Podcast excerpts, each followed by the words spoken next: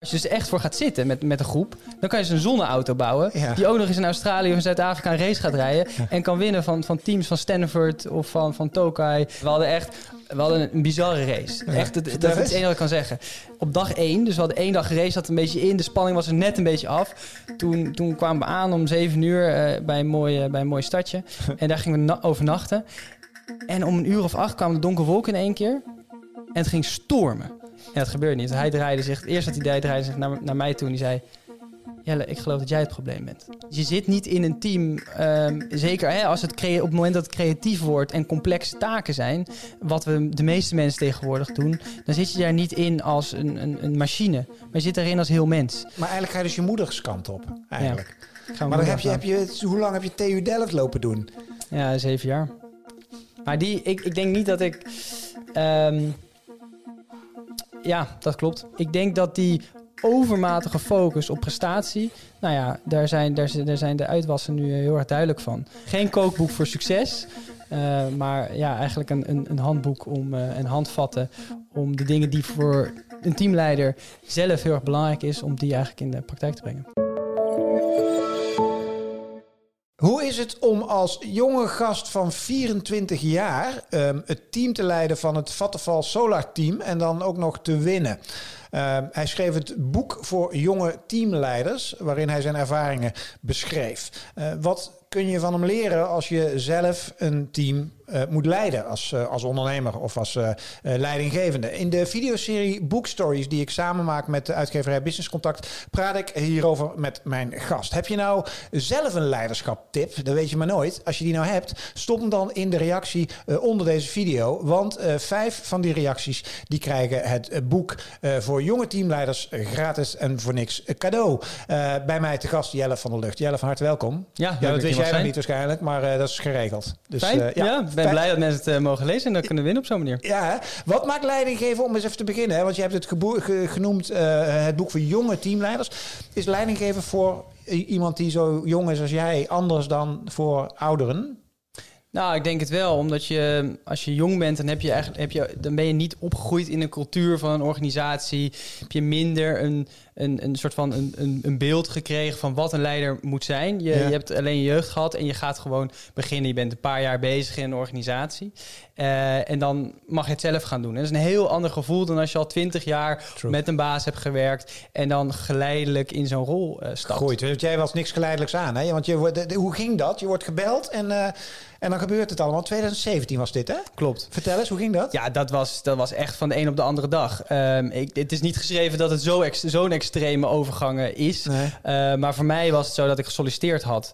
Ehm, eigenlijk met de intentie om de marketingfunctie te gaan doen. Omdat ik dacht, ja, ik zie mezelf echt niet als een teamleider. Nee. Eh, dus, maar ik moest ook een andere functie op, op, eh, opgeven. Dus dat Als was second choice. Als second choice, was teamleider. Ik mocht komen en ik heb dat gesprek gedaan. En ze vonden dat, dat verhaal goed, wat ik daar, mijn visie die ik eigenlijk tentoonspreidde over, over leiding geven. En toen werd ik gebeld dat ik het was geworden.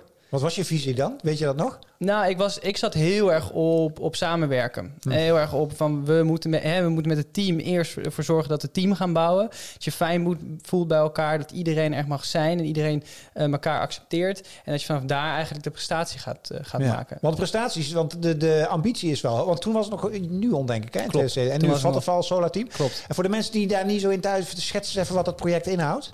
Ja, wat je eigenlijk doet is een snelkookpan waarin je in een jaar tot anderhalf jaar een auto gaat bouwen. Een zonneauto. Dus, dus het is echt een auto van, eh, die, die maar 150 kilo weegt. eh, High-tech.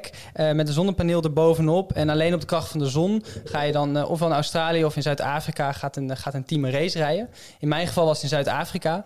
En dat was een race van acht dagen. We hebben vi- 4500 kilometer afgelegd. En dan gaat het Over- om wie het snelste... of wie het in combinatie met het minste zonne-energie verbruikt. Of hoe Nee, werkt wie, wie eigenlijk de, in Zuid-Afrika gaat het erom wie in een, in een vaste hoeveelheid tijd de meeste kilometers aflegt. Oké. Dus uiteindelijk wie het snelst rijdt. Ja, ja, precies. Ja, en je Ja. hebt alleen maar zonne-energie. Je hebt alleen maar zonne-energie. Hmm. En begin je dan elk jaar als team weer van scratch? Klopt. En dat is, dat is wel het bijzondere eigenlijk van dit team. Ten eerste dat het alleen maar studenten zijn. Ja, Eh, ja dus want jij was aan het studeren. Ja, ik was aan het studeren. Met, en met mij eh, alle andere negen ook. Ja. Eh, dus dus die, die komen gewoon ja, vanuit, het, vanuit hun hoofd van, in de boeken... gaan ze in één keer dat in de praktijk moeten brengen. Ja. Ehm, en dan zie je wat je dus kan bereiken in anderhalf jaar. hè. Dus heel veel mensen denken, ja, ik, ik kan heel goed een, een tentamen maken. Ja. Maar als je dus echt voor gaat zitten met, met een groep... dan kan je dus een zonneauto bouwen... Die ook nog eens in Australië of in Zuid-Afrika een race gaat rijden... en kan winnen van, van teams van Stanford of van, van Tokai.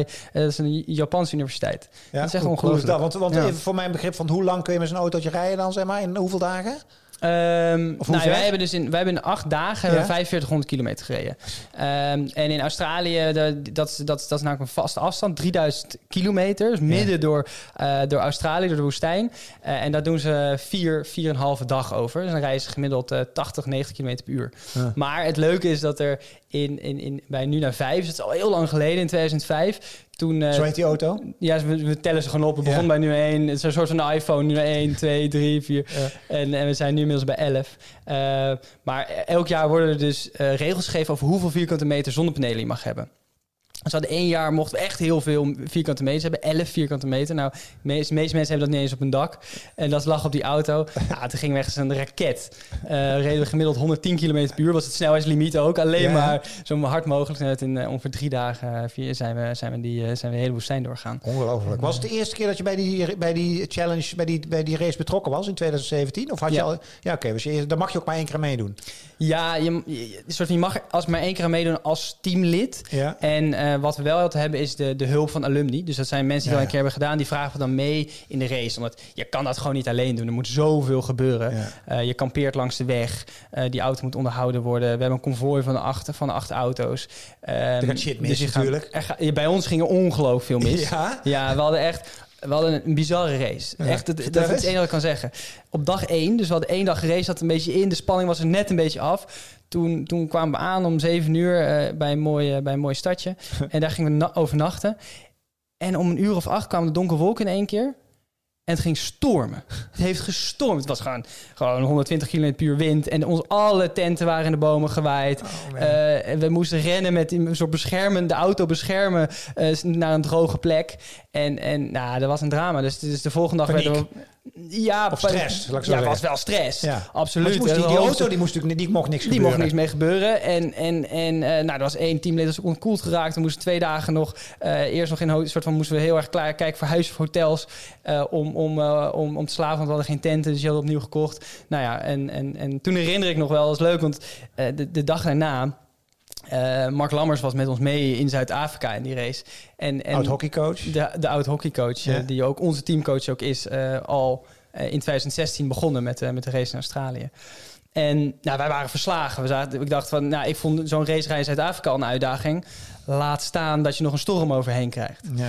Ehm, en ik had, hem, ik had gevraagd, kan je, kan je alsjeblieft wat tegen het team zeggen om, om hè, met elkaar weer eh, op, op, op te focussen? Want we moesten gewoon weer gaan racen. Uh-huh. Eh, en hij zei van, eh, kijk jongens, dit is iedereen heeft deze tegenslag. Kijk om je heen, iedereen heeft deze storm gehad. Het gaat er nu om hoe wij ermee om kunnen gaan. Hmm. En dat jij er beter uitkomt dan de rest. En, en dat was heel krachtig. Ja. Toen zag je echt de kopjes weer van, oh ja, ja, klopt. Niet balen van wat je is overkomen, maar kijken van wat kunnen we nu doen om het beste ervan te maken. Zei die niet, los jij het zelf even op? Jij bent teamleider. Nee, want in zekere zin, kijk, als teamleider hoef je ook niet alles, alles te doen. Het is niet alsof het allemaal jouw taak is. En, en Mark is, is, is heel krachtig in Ja. inspireren. Ik bedoel, Ja.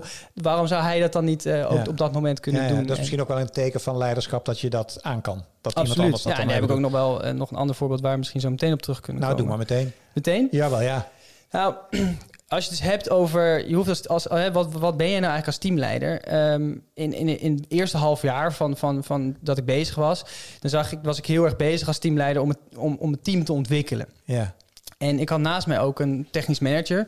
Die heette Ilse. eh, ze heette Ilse. En, en, en zij was meer verantwoordelijk vanuit haar technische managerrol... om eh, toe te zien op de, op de kwaliteit van de auto. Mhm.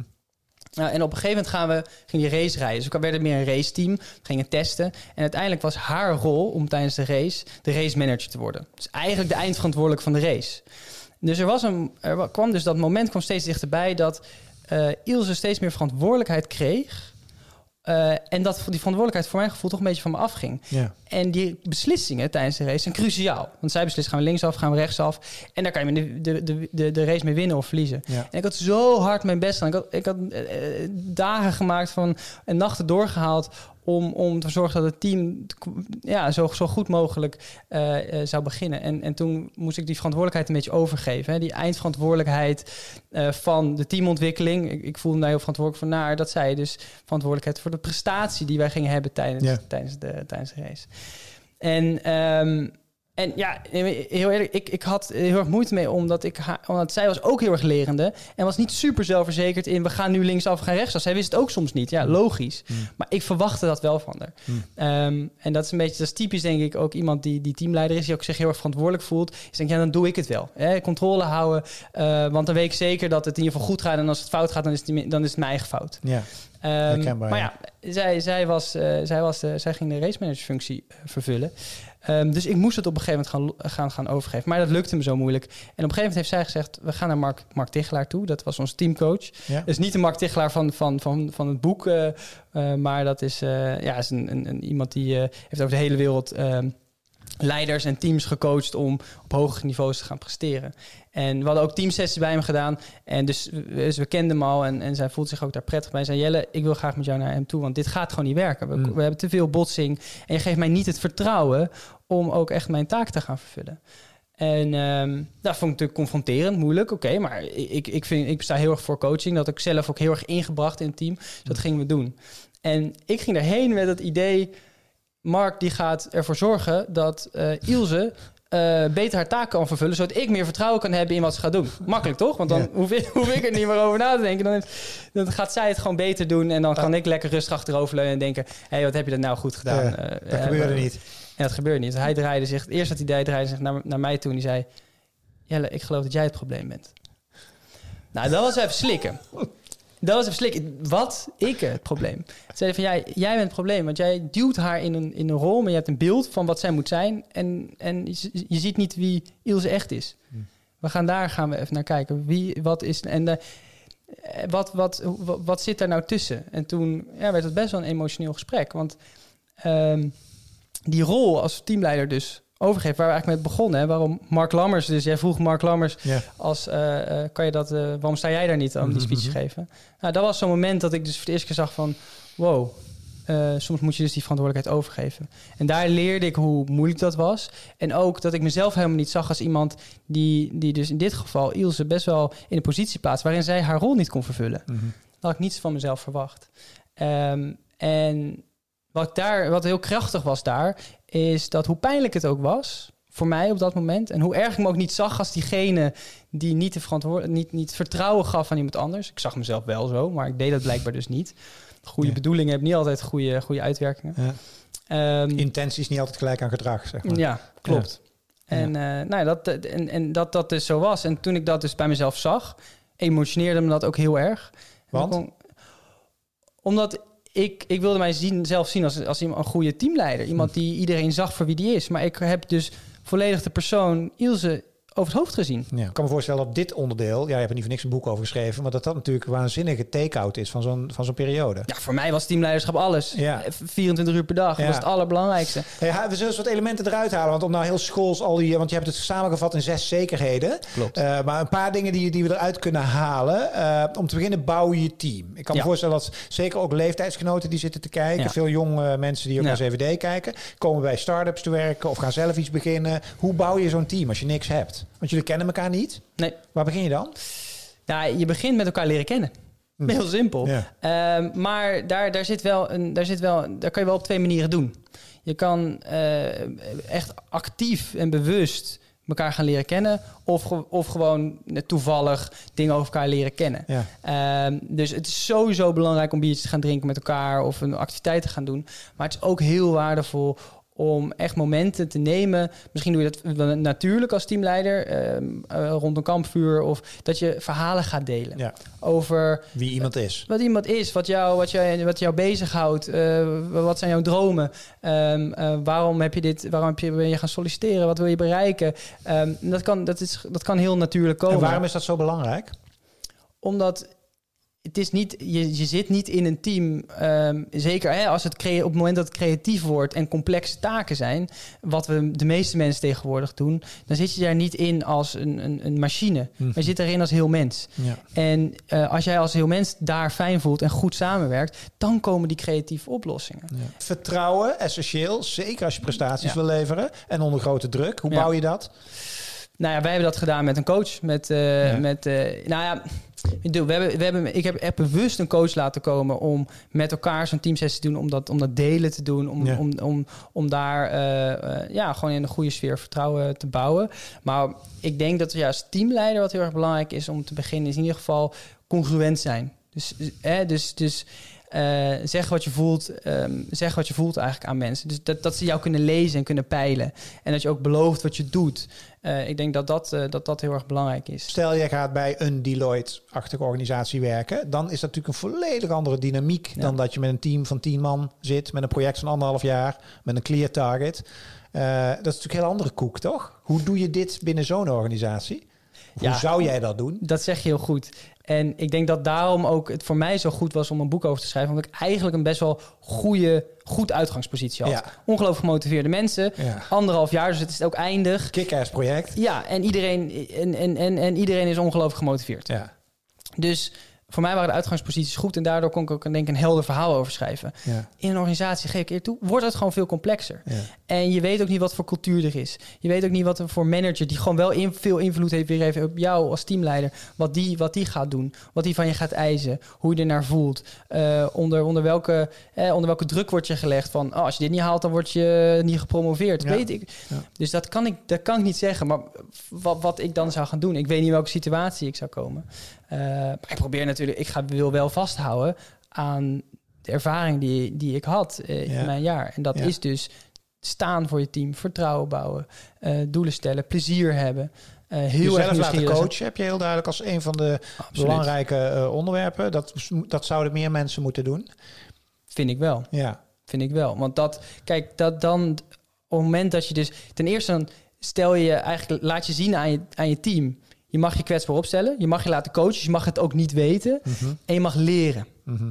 En, eh, en soms dan, dan betekent dat leren ook dat het even een pijnlijk moment is, zoals ik net uitlegde met, Ja. eh, met Iels. Even confronterend. Ja. En dat is wel heel waardevol. Dus Ja. het is niet alleen voor mij belangrijk, maar het is ook als je als teamleider bent en dat doet, is het ook een signaal naar, naar de rest van je team en ook de organisatie breed dat dat dus kan. En je hebt er tips over, want heb je een belangrijk gedeelte in je boeken kan gewijd aan de effectief vergaderen. Eh, de, de- zeg maar lessen door Jeroen Dijsselbloem. Ja, Eh, haal er eens een elementje uit waar iedereen morgen mee kan beginnen, zeg maar, als het gaat om effectief vergaderen, want er wordt wat afvergaderd. ja er wordt heel veel vergaderd. Ja. Nou, ik moet dus eerlijk bekennen dat ik dus al die tips niet heb gedaan tijdens mijn jaar. En dat heb ik ook wel vaak gehoord. Want ik Ja. weet nog elke keer dat Jelmer, eh, dat is elektrotechnicus, die zei elke keer van, van de punten van wat kunnen we nog verbeteren. Jelle, kan je alsjeblieft iets doen met, kunnen we niet op, op cursus gaan van hoe we beter kunnen vergaderen, want het duurt zo lang. Wanneer kwam je hem tegen dan, Jeroen Dijsselbloem eigenlijk? Ehm, nou, ik, het, het leuke is dat hij, dus de hele aanleiding is dat ik dit boek mee ga schrijven. Aha. Want hij heeft, dat, hij heeft zijn boek geschreven, de, de, Ja. de, de eurocrisis. En, ehm, en ik las dat in een tentje in Zuid-Afrika. En toen, toen, toen, toen dacht ik, nou, een mooi verhaal. Tijdens Eh, dat project. na dat project, eigenlijk na was gefinished. En ik, en ik lag in een tentje tussen Ja. de leeuwen ergens eh, Ja. op de Uit te prairie. rusten. En, eh, en toen las ik zijn boek en toen dacht ik van, nou, als hij, hè, de, hoe hij dit heeft opgebouwd, daar zie ik ook wel in hoe ik dat zelf zou kunnen doen. En toen kwam ik er tegen op een lezing bij de TU Delft. En toen heb ik het gevraagd, mag ik een keer langskomen? En dat kon. Wat het unieke was van zijn rol, was dat hij moest beslissingen maken met consensus. Ja, Iedereen 100% moest het mee eens zijn. Al die 19 ministers waren het geloof ik Ja. van Financiën tijdens de eurocrisis. Ja, Hè, ja. dat, dat zijn Heftiger ga je het niet krijgen. dat is heel, heel moeilijk. Ja. Wij, ik, ik probeerde ook altijd beslissingen te maken op consensus. En Ja. hoe doe je dat nou? Hoe Ja. zorg je ervoor dat je met elkaar toch tot het ene... ja, ene en bij jou komt? waren er nog wel iets minder tegenstrijdige belangen Ja, dan in zijn situatie. Dus en wat, en, wie eh, kun, je- daar kun je een boek over schrijven, maar haal eens een paar dingetjes uit wat jij hebt geleerd, even praktisch van hem. ja. Ehm, ik vond heel sterk dat hij ze, ze, ze, ze- de punten, de vergaderpunten, de moeilijke punten, die besprak hij altijd voor met kleinere groepen. Om altijd eens een beetje te peilen van eh, wie, wie heeft, eh, wie, wie zegt, wie, zitten we de wie- hoe zitten we in de wedstrijd? Waar, waar, waar, waar, wat vinden mensen? Eh, ten tweede, wat hij heel erg bewust van was, is de kracht van wie hij als eerste de beurt geeft. Dus Die is bepalend. dat is heel bepalend. Die zet gewoon de toon. Ja. En ook dat jij dus als, als Zo je waar dit.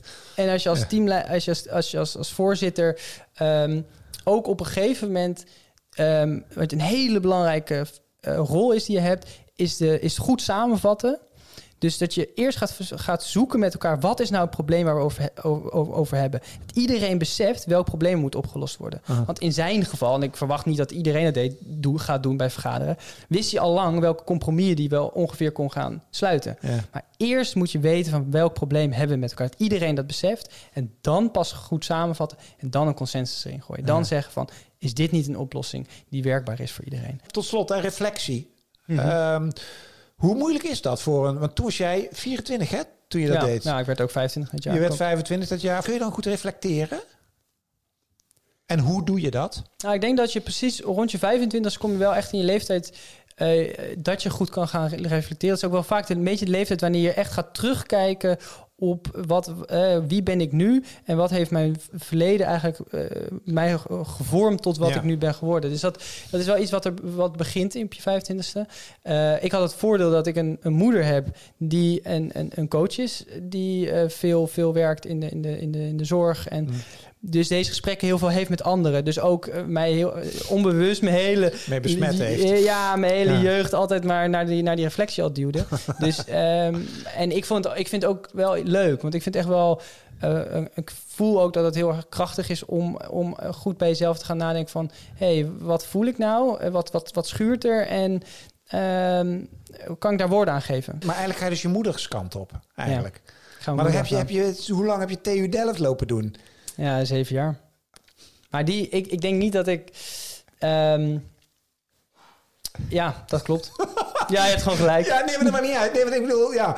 Weet je, je ziet dat heel vaak. Ja, ook, het is ook helemaal geen schat. Maar het is, het- die zeven jaar zijn niet weggegooid. Maar ik vind het prachtig om jou om te zien dat je... Jij duikt niet de core business in waarvoor jij zeven jaar lang moet... Laat ik zo zeggen, de effect van die anderhalf jaar is misschien wel groter op je toekomst geweest... dan de hele zeven jaar TU Delft, of niet? Ja, dat weet ik niet. Want ik kijk, ik, ik denk zomaar dat, eh, dat het heel logisch zou zijn als ik eh, met teams aan de slag ga die in het in wel in die in, in de technische domein zitten, omdat ik daar wel gevoel voor heb. Ja. Ehm, dat helpt wel als je natuurlijk weet waar mensen het over hebben en waar ze ook in, op de inhoud op, op vastlopen. ja. Ehm, maar ja, ik moet wel toegeven dat, dat die anderhalf jaar bij het Solar-team in die rol als teamleider, dat heeft zoveel impact op mij gemaakt. En het heeft echt mijn ogen geopend over ja, wat, je, wat, je, wat, wat, het kan, wat het kan doen als je coach bent en wat het kan doen als je een teamleider bent. En, en wat je dan eh, kan neerzetten met elkaar als team. Je kan, ja, dat eh, vind ik gewoon heel leuk. En dat ja. zelfs dat ik er een, een boek over mee ga schrijven. Dus vandaar dat ik ook daar ja, toch wel eh, meer mee ga doen daarna. Ik denk dat die overmatige focus op prestatie, nou ja, daar zijn, daar, daar zijn de uitwassen nu eh, heel erg duidelijk van. Ehm, dus ik denk echt dat de behoefte is ook aan die, aan die, aan die menselijke kant, aan die vervulling op, eh, op, op ontwikkeling, op inderdaad reflecteren, op ook met elkaar vertrouwen opbouwen. Eh, dat er een teamleider is die staat voor, voor, voor het team en niet eh, alleen maar naar de prestatie luistert die wordt opgelegd van boven en dat maar doorvertaalt naar beneden als een soort van eh wipwap die van jullie moeten, wij, u zegt en wij draaien. Ehm, dus geen kookboek voor succes, maar ja, eigenlijk een, een, een handboek om en handvatten om de dingen die voor een teamleider zelf heel erg belangrijk is, om die eigenlijk in de praktijk te brengen. Ik wens je heel veel plezier en succes met het eh, uitbouwen van een prachtig vakgebied, volgens mij. Dankjewel. Dankjewel voor het gesprek. Ja, super. Fijn En, eh, en dankjewel namens uitgeverij Business Contact ook die dit gesprek eh, mogelijk maakt.